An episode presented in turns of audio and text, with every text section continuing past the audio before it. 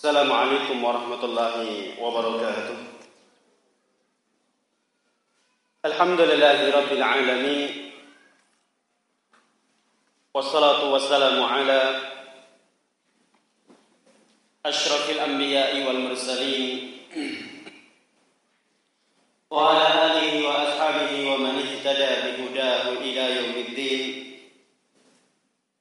قال الله تعالى يا أيها الذين آمنوا اتقوا الله حق تقاته ولا تموتن إلا وأنتم مسلمون. وقال في آية أخرى يا أيها الذين آمنوا اتقوا الله وقولوا قولا سديدا. يصلح لكم أعمالكم ويغفر لكم ذنوبكم. ومن يطع الله ورسوله فقد فاز فوزا عظيما. أما بعد فإن أصدق الحديث كتاب الله وخير الهدي هدي محمد صلى الله عليه وسلم وشر الأمور محدثاتها.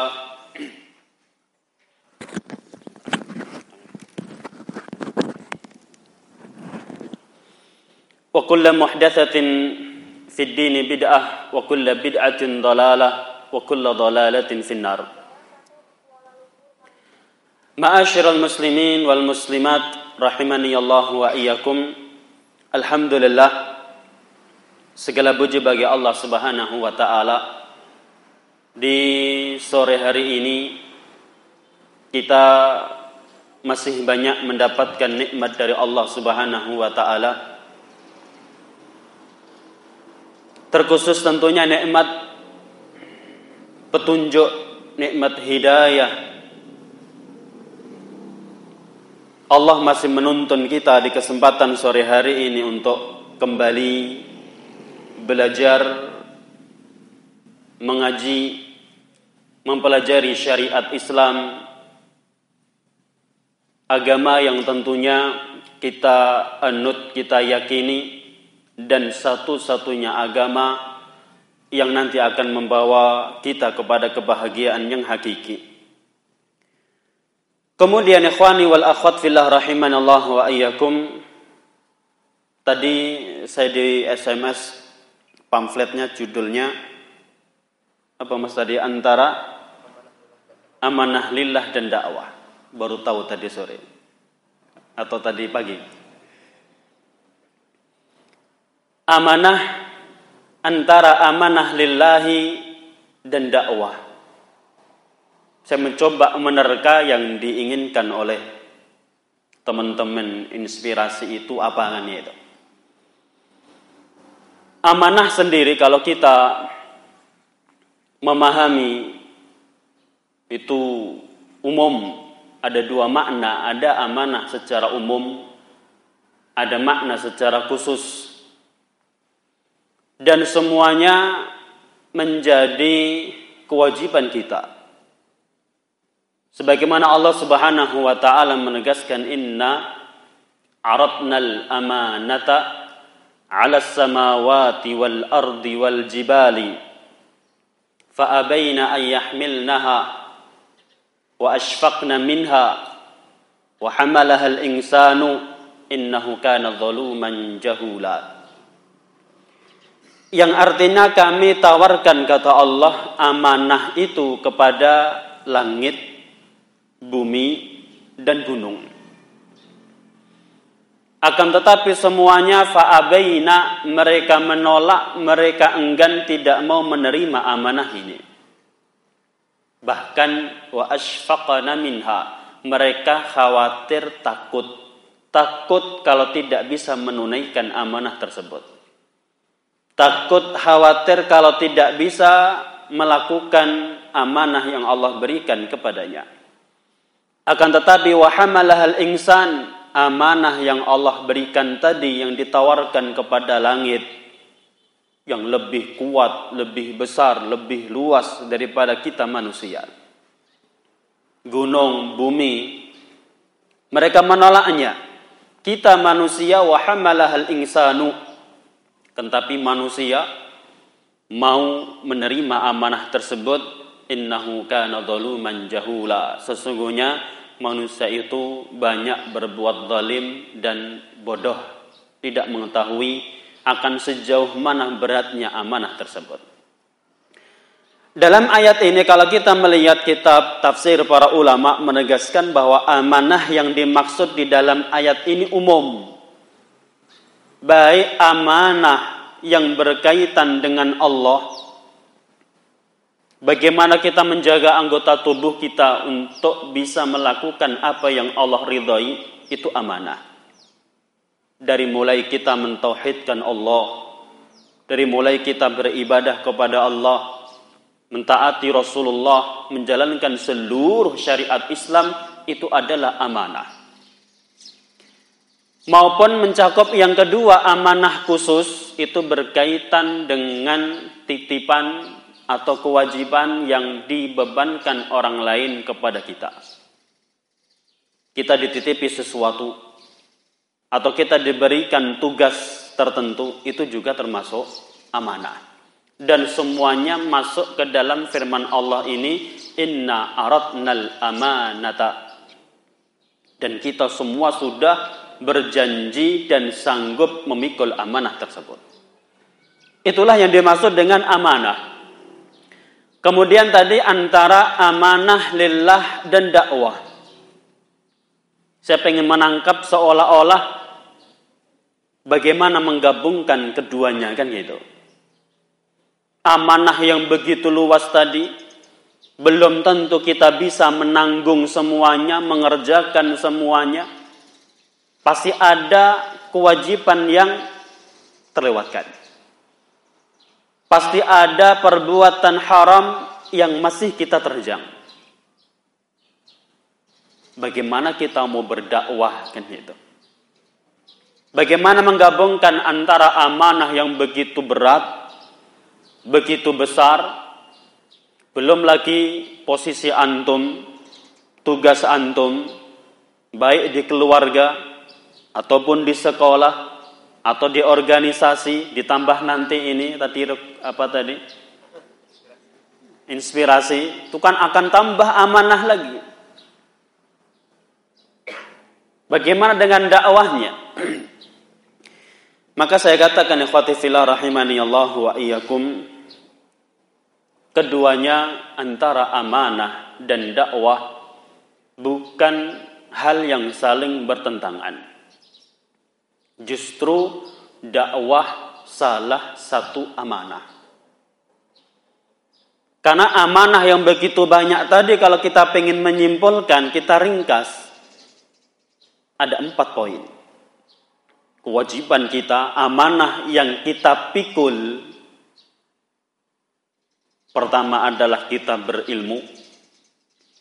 Bagaimana kita mengenal syariat Islam, mengenal halal haram, mana yang boleh, mana yang tidak boleh. Mana yang baik menurut Islam, mana yang buruk. Kemudian yang kedua mengamalkannya. Kemudian yang ketiga adalah mendakwahkannya. Dan yang keempat bagaimana kita bisa bersabar baik dalam berilmu, nuntut ilmu, belajar butuh kesabaran. Baik di dalam mengamalkan ilmu pun membutuhkan kesabaran. Di zaman saat seperti ini banyak orang jauh dari ajaran Islam. Banyak orang yang tidak paham satu sisi ada yang betul-betul bodoh jauh dari syariat yang sisi lain ter, terlalu semangat akhirnya pun kebablasan kan itu melakukan hal-hal yang tidak ada ajarannya di situ. Merubah syariat-syariat Islam di situ. Maka butuh kesabaran untuk mengamalkan membutuhkan kesabaran. Kadang datang cemoohan cacian ejekan dari orang-orang terdekat di antara kita sendiri. Dan yang keempat tadi sabar maka butuh sabar dalam berilmu, beramal maupun berdakwah. Ikhwati rahimani Allah wa iyyakum. Lalu bagaimana menggabungkan keduanya empat perkara ini?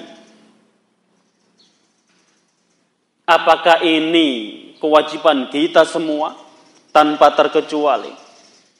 Dan apakah dalam melaksanakan empat perkara ini harus secara urut dan gabung semuanya total? Ya berilmu, ya beramal, ya berdakwah. Sebelum beramal harus berilmu dulu. Apakah seperti itu? Jadi kalau ingin berdakwah harus berilmu dan beramal. Kalau belum berilmu dan beramal maka tidak boleh berdakwah. Kan gitu.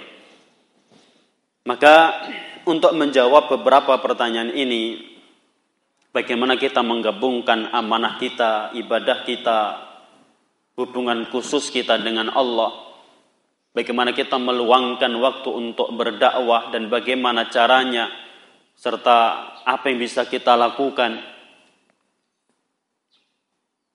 dengan ilmu mungkin sebagian belum cukup atau mungkin sebagian sudah punya ilmu namun belum bisa mengamalkan apakah juga wajib kami berdakwah misalnya? Kalau wajib bagaimana caranya di situ? Nah, beberapa pertanyaan ini akan terjawab kalau kita mempelajari pertama apa itu dakwah sendiri. Kita harus menyamakan persepsi dulu. Yang kita fahami dengan kata dakwah itu apa kan itu. Sehingga nanti kita bisa menyikapinya.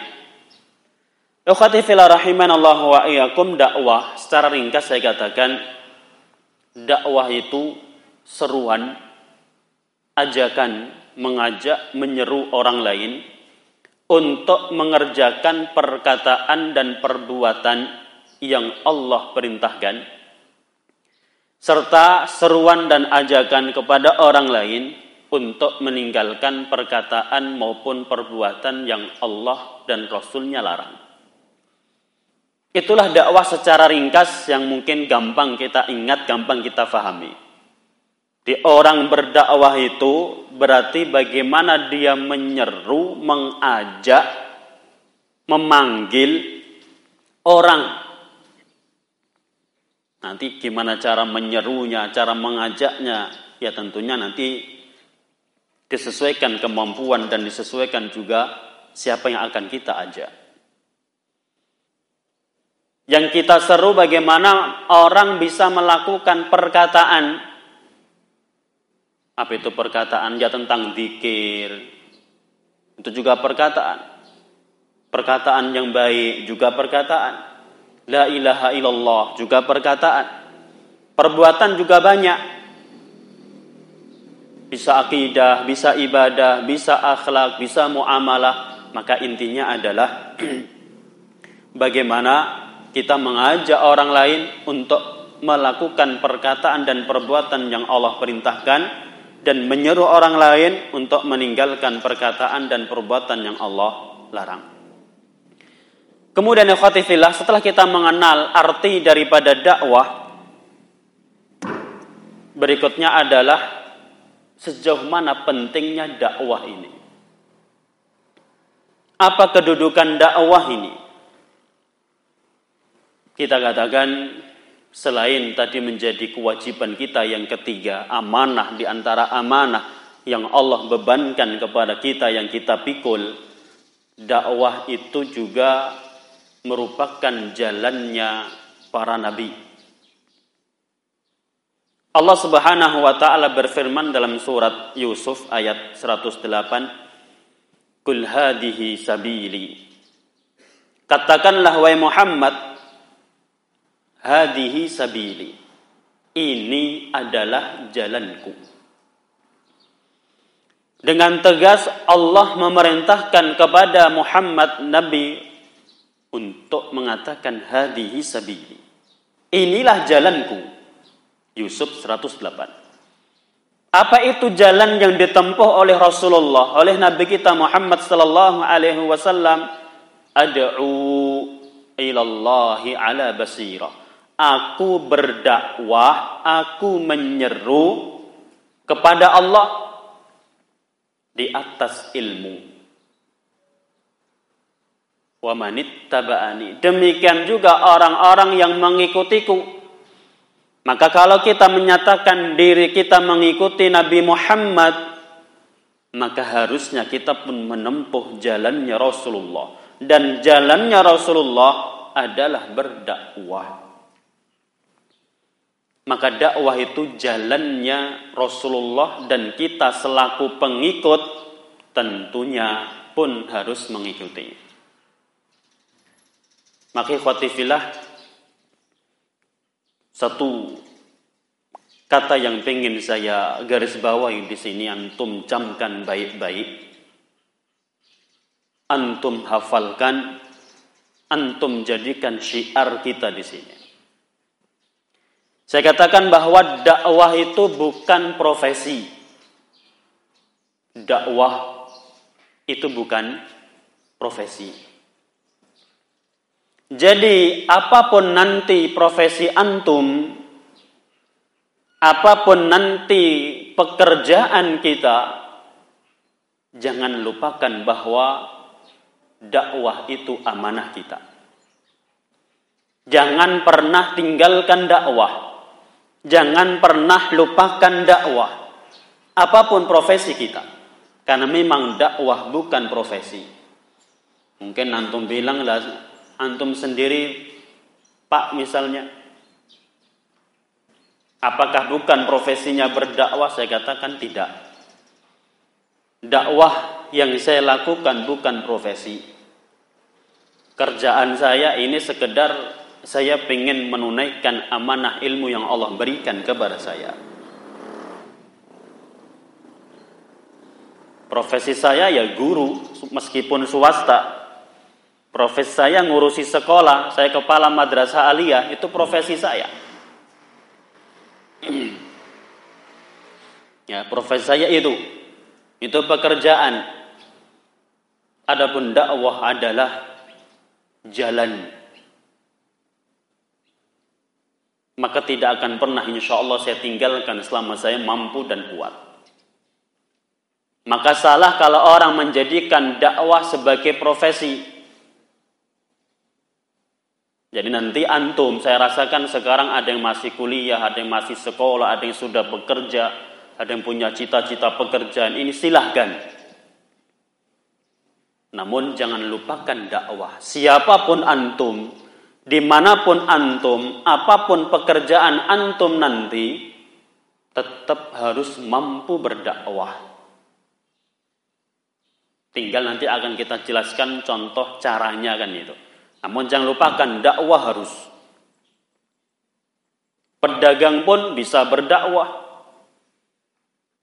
Dokter pun bisa berdakwah. Semuanya.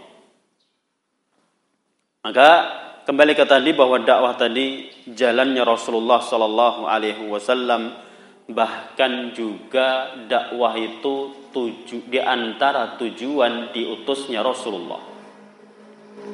Allah Subhanahu wa taala mengutus Rasulullah, mengutus Nabi Muhammad di antara tujuannya agar Nabi Muhammad berdakwah.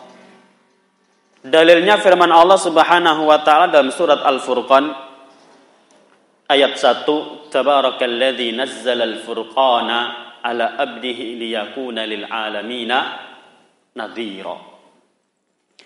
Maha suci Allah yang telah menurunkan Al-Quran kepada hambanya yaitu Muhammad agar Rasulullah memberikan peringatan. Memberi peringatan itulah dakwah karena dakwah tidak bisa lepas dari dua, memberi kabar gembira dan memberi peringatan. Itu pasti. Memberi kabar gembira tentang surga, balasannya akan Allah berikan kepadanya, kenikmatannya akan Allah siapkan untuk mereka orang-orang yang taat, itu kabar gembira memberikan peringatan tentang siksaan Allah, tentang neraka. Itu peringatan. Kalau kita pengen mengajak orang meninggalkan apa yang Allah haramkan, berilah peringatan. Kalau kita pengen mengajak orang melakukan apa yang Allah perintahkan, maka berilah kabar gembira. Kan gitu. Maka ayat ini dengan tegas menjelaskan kepada kita bahwa Rasulullah diutus tujuannya memberikan peringatan alias berdakwah. Belum lagi pahala yang disiapkan bagi mereka yang berdakwah. Satu, kedudukannya tinggi, kewajiban kita, jalannya Rasulullah, tujuan Rasulullah diutus, ditambah lagi banyaknya pahala yang Allah siapkan bagi mereka yang mau berdakwah. Apa contoh pahalanya? Contohnya hadis Imam Muslim, Rasulullah Shallallahu alaihi wasallam bersabda, "Man dalla ala khairin." Insyaallah semuanya sudah pernah mendengar ini. "Man dalla ala khairin falahu mithlu ajri fa'ilihi." Barang siapa menunjukkan kepada kebaikan, maka baginya seperti pahala orang yang melakukannya. Kita mengajak orang sholat menunjukkan bagaimana tata cara sholat. Maka kita dapat pahala sebanyak orang yang mengerjakan sholat itu. Kan luar biasa. Luar biasa. Kalau kita bisa mengajarkan sepuluh, berarti kita akan mendapatkan pahala sepuluh orang ini. Kita bisa mengajarkan seratus, dapat seratus, seribu, satu juta, terus. Nanti mereka dari sepuluh mengajarkan ke sepuluh yang lain, pun akan kita dapat lagi di situ. Bayangin kan itu. Tidak terbatas pada satu orang saja. Tadi kita ngajarin sepuluh orang sholat dapat pahala sepuluh. Yang sepuluh mengajarkan sepuluh lagi Dapat berapa berarti mas, mbak? 20. Nanti 10 ngajarkan lagi ke 10 orang lain lagi. Terus kita tidak tahu sampai kapan itu berhenti kan gitu. Maka pahalanya sangat besar sekali. Dan pahala yang kita dapatkan tidak akan mengurangi pahala orang tadi yang kita ajarin yang kita ajak. Rasulullah Shallallahu Alaihi Wasallam bersabda dalam hadis yang lain dengan redaksi yang berbeda masih sama di hadis Imam Muslim manda'a ila huda kana lahu minal ajri mithlu ujuri man tabi'ahu la yanqusu min ujurihim syai'a. Barang siapa yang mengajak kepada hidayah kebaikan maka baginya bagi yang mengajak ini akan mendapatkan pahala seperti pahala orang-orang yang mengikutinya tanpa mengurangi pahala mereka yang mengikuti kita. Seandainya masing-masing 10 dapat pahala 100, maka kita pun tidak mengambil pahala mereka. Pahala mereka tetap kita pun tambah mendapatkan pahala. Jadi kan luar biasa. Dan tentunya ikhwati filah dakwah ini Bukan berarti harus antum yang mengajari belum tentu. Tidak harus. Yang penting kita menjadi wasilah. Yang penting kita menjadi perantara. Maka kita pun sudah bisa mendapatkan keutamaan dakwah tersebut.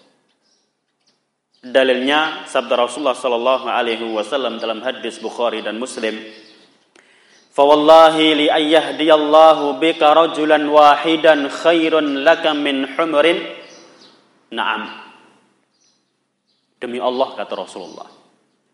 Seandainya Allah memberi hidayah kepada satu orang saja lewat perantaramu, maka itu lebih baik daripada mendapatkan unta merah. Zaman dulu onta merah itu harta yang paling baik. Onta dulu kan kendaraan, kalau sekarang ya apa mas kendaraan paling baik?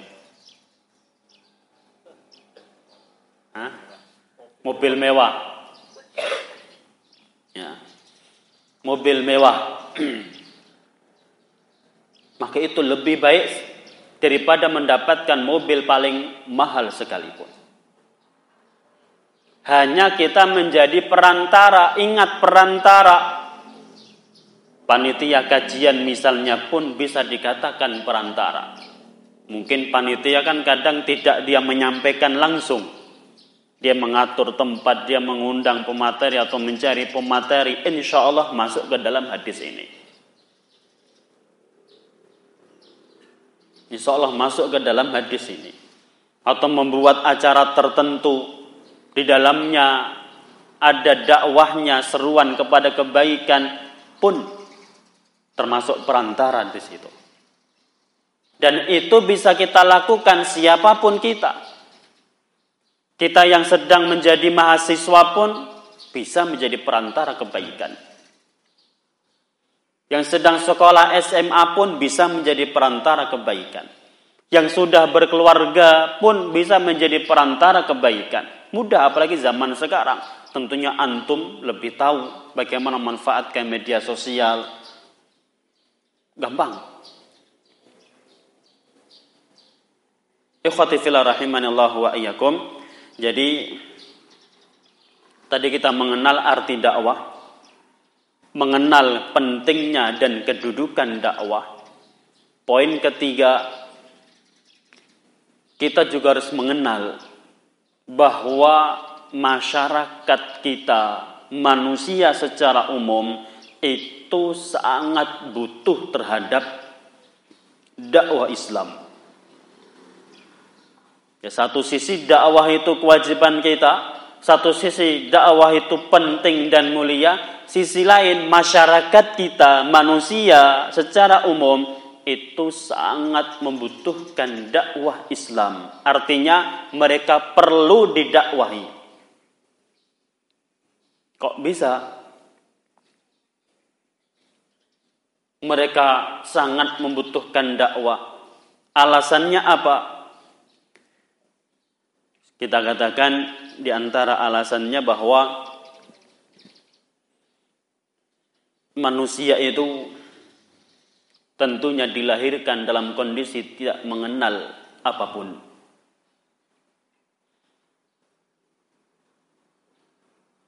Manusia memang makhluk sempurna sebagaimana firman Allah walaqad karamna bani Adam. Kami muliakan manusia itu. Dalam ayat ini para ulama tafsir mengatakan bahkan manusia lebih mulia daripada jin, lebih mulia daripada malaikat, lebih mulia daripada seluruh makhluk Allah. Manusia, jenis manusia itu makhluk Allah yang paling mulia, paling sempurna. Mulia dari sisi fisik. Bagaimana Allah memberikan Masya Allah makan. Kita punya mulut. Tapi juga Allah memberikan kita tangan. Bisa makan pakai tangan di situ. Lihat tuh hewan. Makan mereka semua pakai mulutnya mereka langsung. Kita berjalan dengan kaki dua, bisa tegap, tegak berjalan lebih pas, lebih bagus. Meskipun ada hewan berjalan di atas kaki dua, saya rasa juga akan mungkin tegap sempurna seperti itu. Belum lagi akal. Namun sesempurna apa pun manusia, tetap dia tidak akan mengetahui mana yang harus dilakukan, mana yang harus ditinggalkan, mana itu yang wajib, mana yang sunnah, mana yang haram, mana yang halal, kalau tidak belajar. Dan belajar, kalau hanya mengandalkan bangku sekolah, dapat enggak mas, mbak, kira-kira? Kalau hanya mengandalkan bangku sekolah, saya rasa tidak akan pernah dapat. Ya, jujur aja sekarang antum belajar sholat itu apa dari sekolah? Kan jarang. Kecuali memang sekolah Islam atau pondok. Oke itu udah memang mengajarkannya itu. Tapi sekolah secara umum paling kan hanya mengajarkan toleransi, tanggung jawab, kerjasama, rukun Islam, rukun iman, nama-nama Allah. Kan hanya itu. Cari yang global-global saja. Bahkan membaca Al-Quran pun jarang yang mendapatkannya dari bangku sekolah rata-rata dari TPA atau TPQ ya enggak mas ada nggak sekolah ngajarin alif pak tak sampai dia bisa? Ada namun kan tidak mungkin itu. Wong satu guru katakan dulu guru di SD saya kan cuma ngajar baca tulis Al-Quran. Paling berapa jam satu pekan? SD segitu. SMP pun tidak menambah. SMA pun sama. Kuliah pun juga sama Dari kondisi seperti ini kita katakan manusia secara asal membutuhkan dakwah Islam. Membutuhkan. Makanya Syekh Ahmad Ibn Nasir mengatakan وَالنَّاسُ عَلَى مُخْتَلِفِ أَجْنَاسِهِمْ wa alwanihim wa azmanihim wa مَاسَةٍ wa الدَّعْوَةِ bihajatin masatin islamiyah bihajatin ila dinillahi alqawim dan seterusnya. Intinya manusia dengan segala macam perbedaan yang ada bangsa ini, suku ini, suku itu. Warna kulitnya yang beraneka ragam, waktu mereka di masa di zaman apa pun baik manusia yang kuat maupun yang lemah kata beliau semuanya bihajatin masatin sangat membutuhkan dakwah Islam.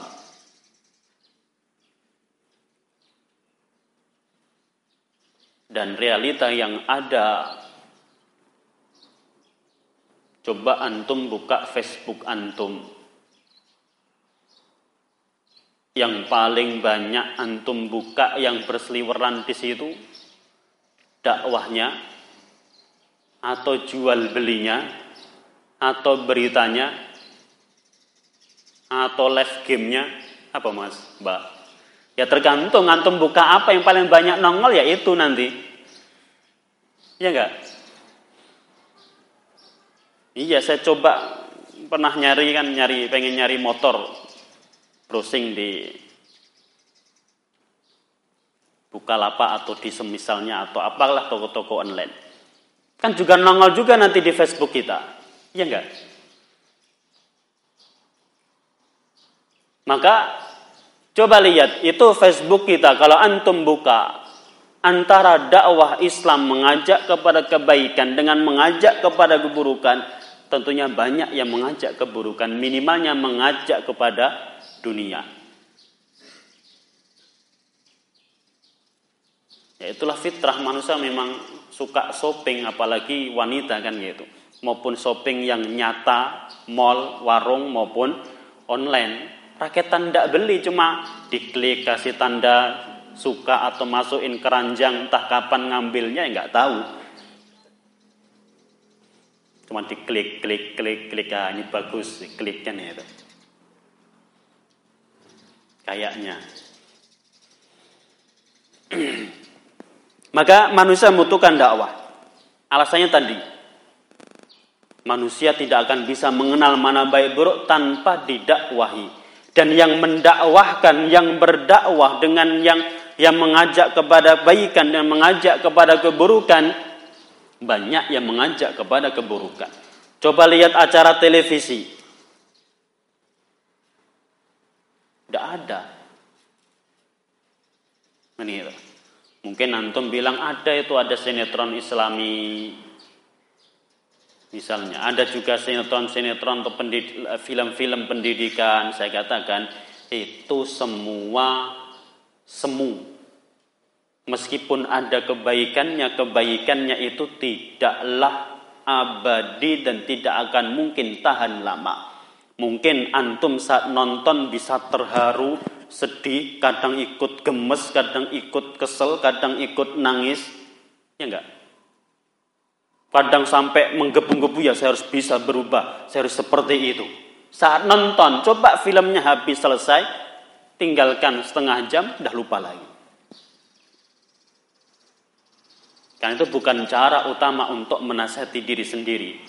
Cara utama bagaimana kita mempelajari Al-Quran, mempelajari hadis itu nasihat yang tidak akan pernah kita lupakan. Tapi kalau sinetron, film dan lain sebagainya mungkin sesaat terharu memang.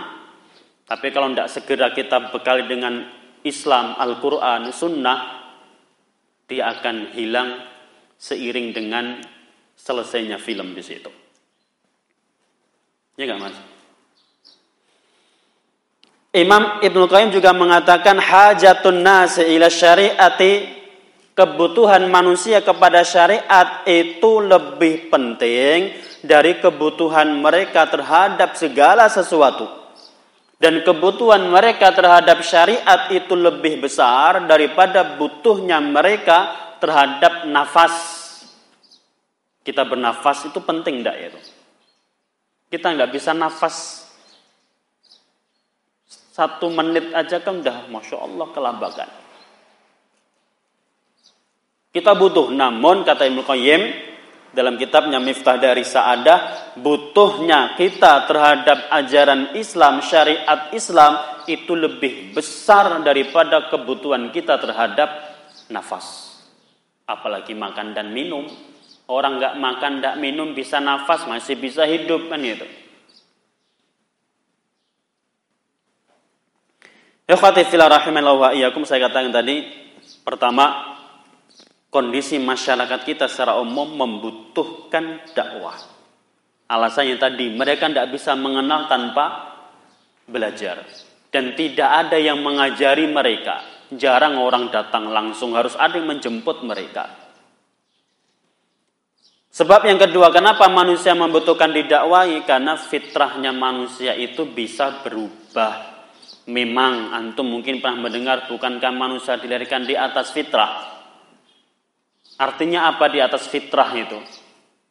Artinya kalau antum biarkan dia seandainya bisa orang lahir biarkan di hutan sendirian fitrah dia akan menyembah Allah Subhanahu wa taala.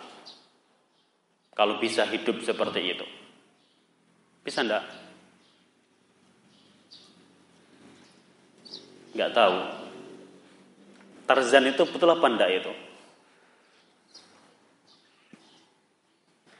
Maka itu arti fitrah. Di fitrahnya dia, dia akan menyembah Allah Subhanahu wa taala. Tinggal siapa yang mengisinya. Kalau orang tidak mendapatkan nasihat apa pun, dia akan menyembah Allah. Hanya saja dia tidak tahu caranya. Mau nggak ada yang mengajari, tapi dia akan aku punya Allah. Itu fitrah. Lah fitrah ini bisa berubah tergantung pendidikan yang dia dapatkan, tergantung lingkungan, tergantung teman dia. Kalau pendidikannya bagus, ya bagus. Kalau lingkungannya bagus, maka bagus. Kalau teman-teman dia mengajak kepada keburukan, ya sudah rusak juga fitrah dia.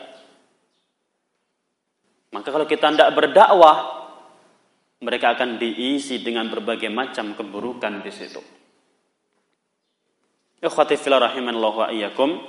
Itu tadi pertama tadi apa? Arti dakwah. Yang kedua, pentingnya dakwah. Yang ketiga, manusia membutuhkan dakwah.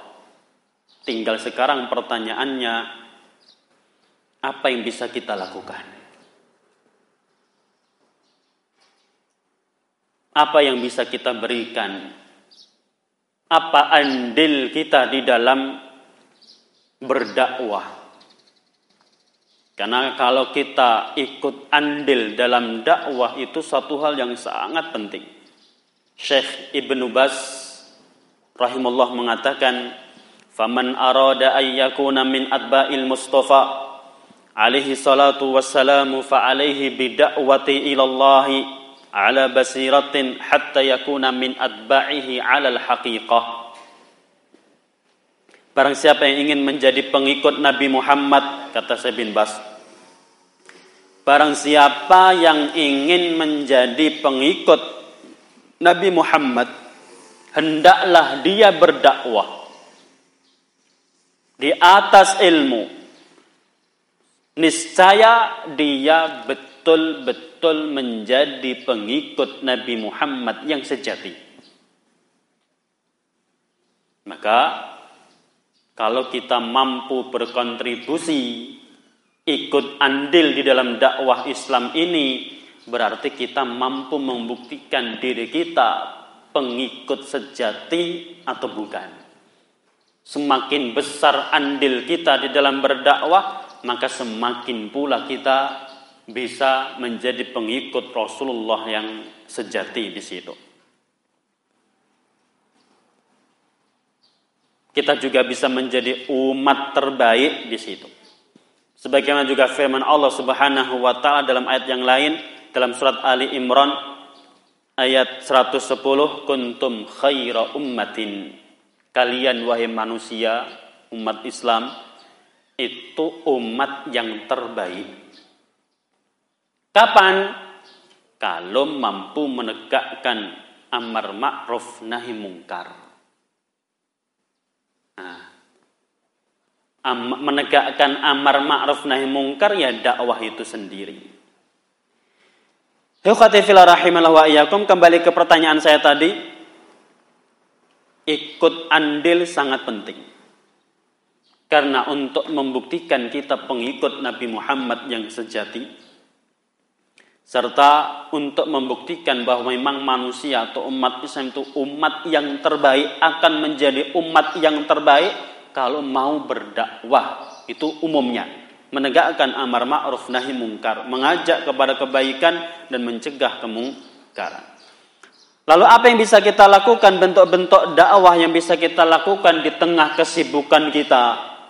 Ada yang masih sekolah, ada yang berjualan, ada yang macam-macam lah. Ada yang kerja, mungkin terbatas waktunya, ada yang sudah mungkin berkeluarga, ada belum? Anda keluarga di sini? Atau belum berkeluarga semuanya? Ya. Maka apa yang bisa kita berikan?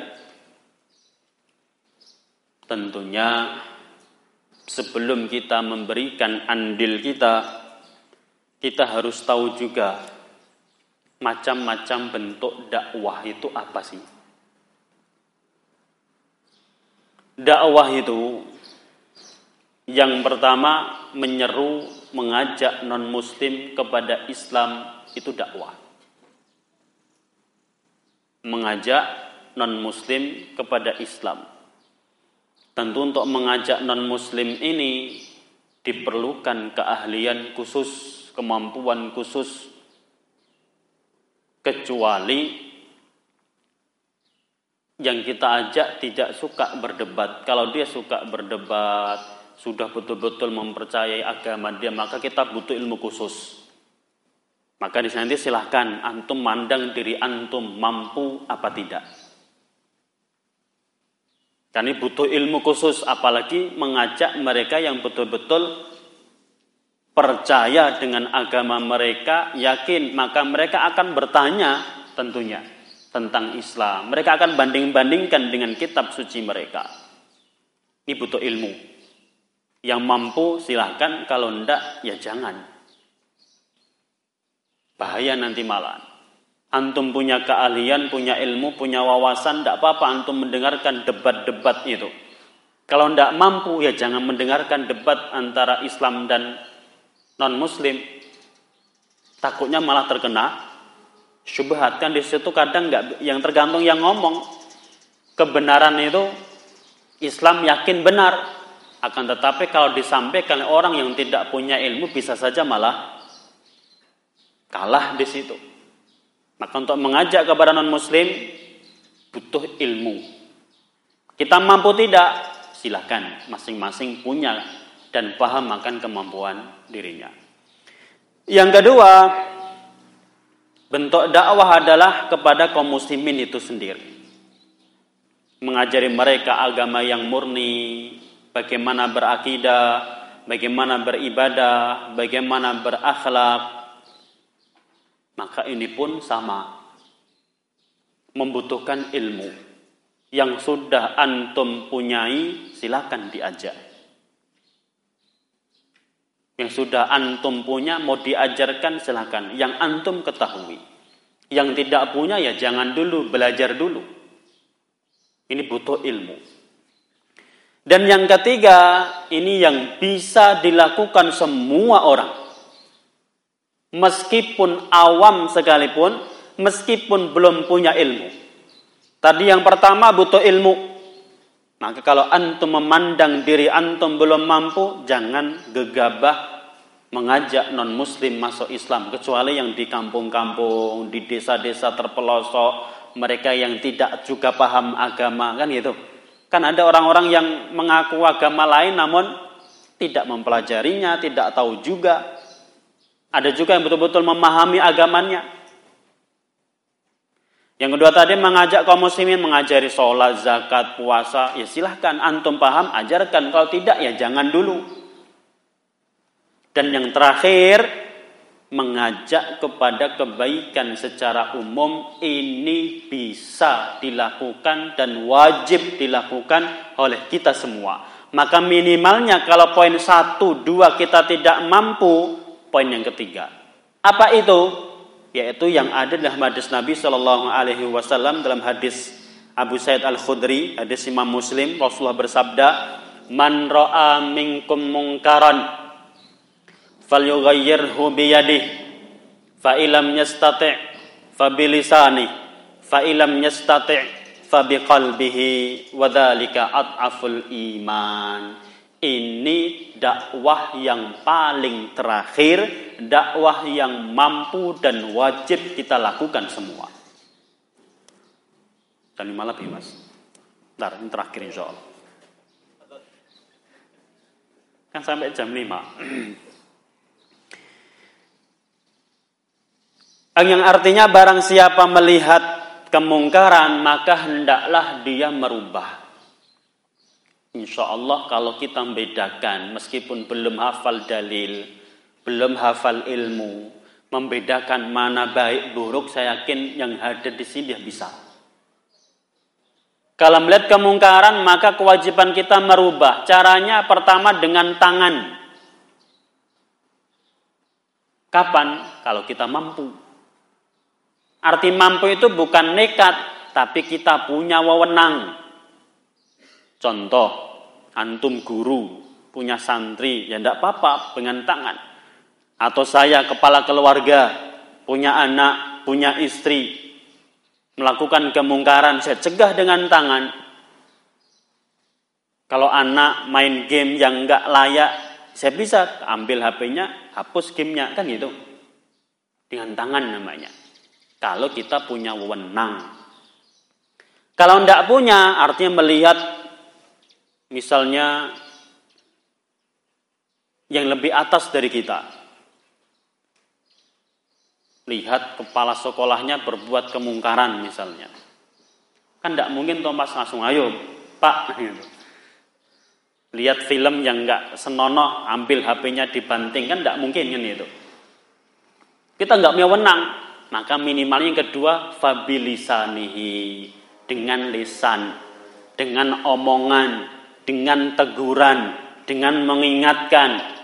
Tidak mampu lagi, artinya ya nggak berani ngomong atau bahkan kalau ngomong berbahaya bagi dirinya. Yang terakhir fabi qalbihi mengingkari dengan hati harus kita yakini itu salah itu dosa itulah dakwah yang wajib kita lakukan semua minimalnya itu.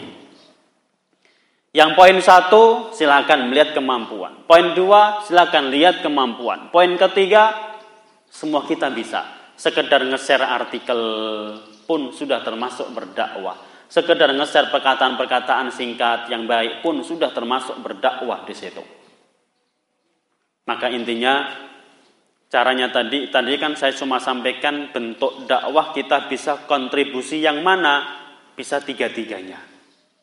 Satu, dua, tiga. Satu, mengajak non-muslim butuh ilmu. Silahkan kalau punya ilmu. Kedua, mengajak kaum muslimin, ngajarin langsung mereka. Silahkan. Yang ketiga tadi paling ringan yang wajib kita lakukan semua. Itu minimalnya kontribusi yang kita lakukan. Andil kita di situ. Ya termasuk tadi menjadi kepanitiaan sebuah kajian atau kegiatan keislaman lainnya. Kalau pemuda kan tidak melulu kajian, pemuda bahas kitab terus tebel itu kan ya saya rasa akan jenuh juga.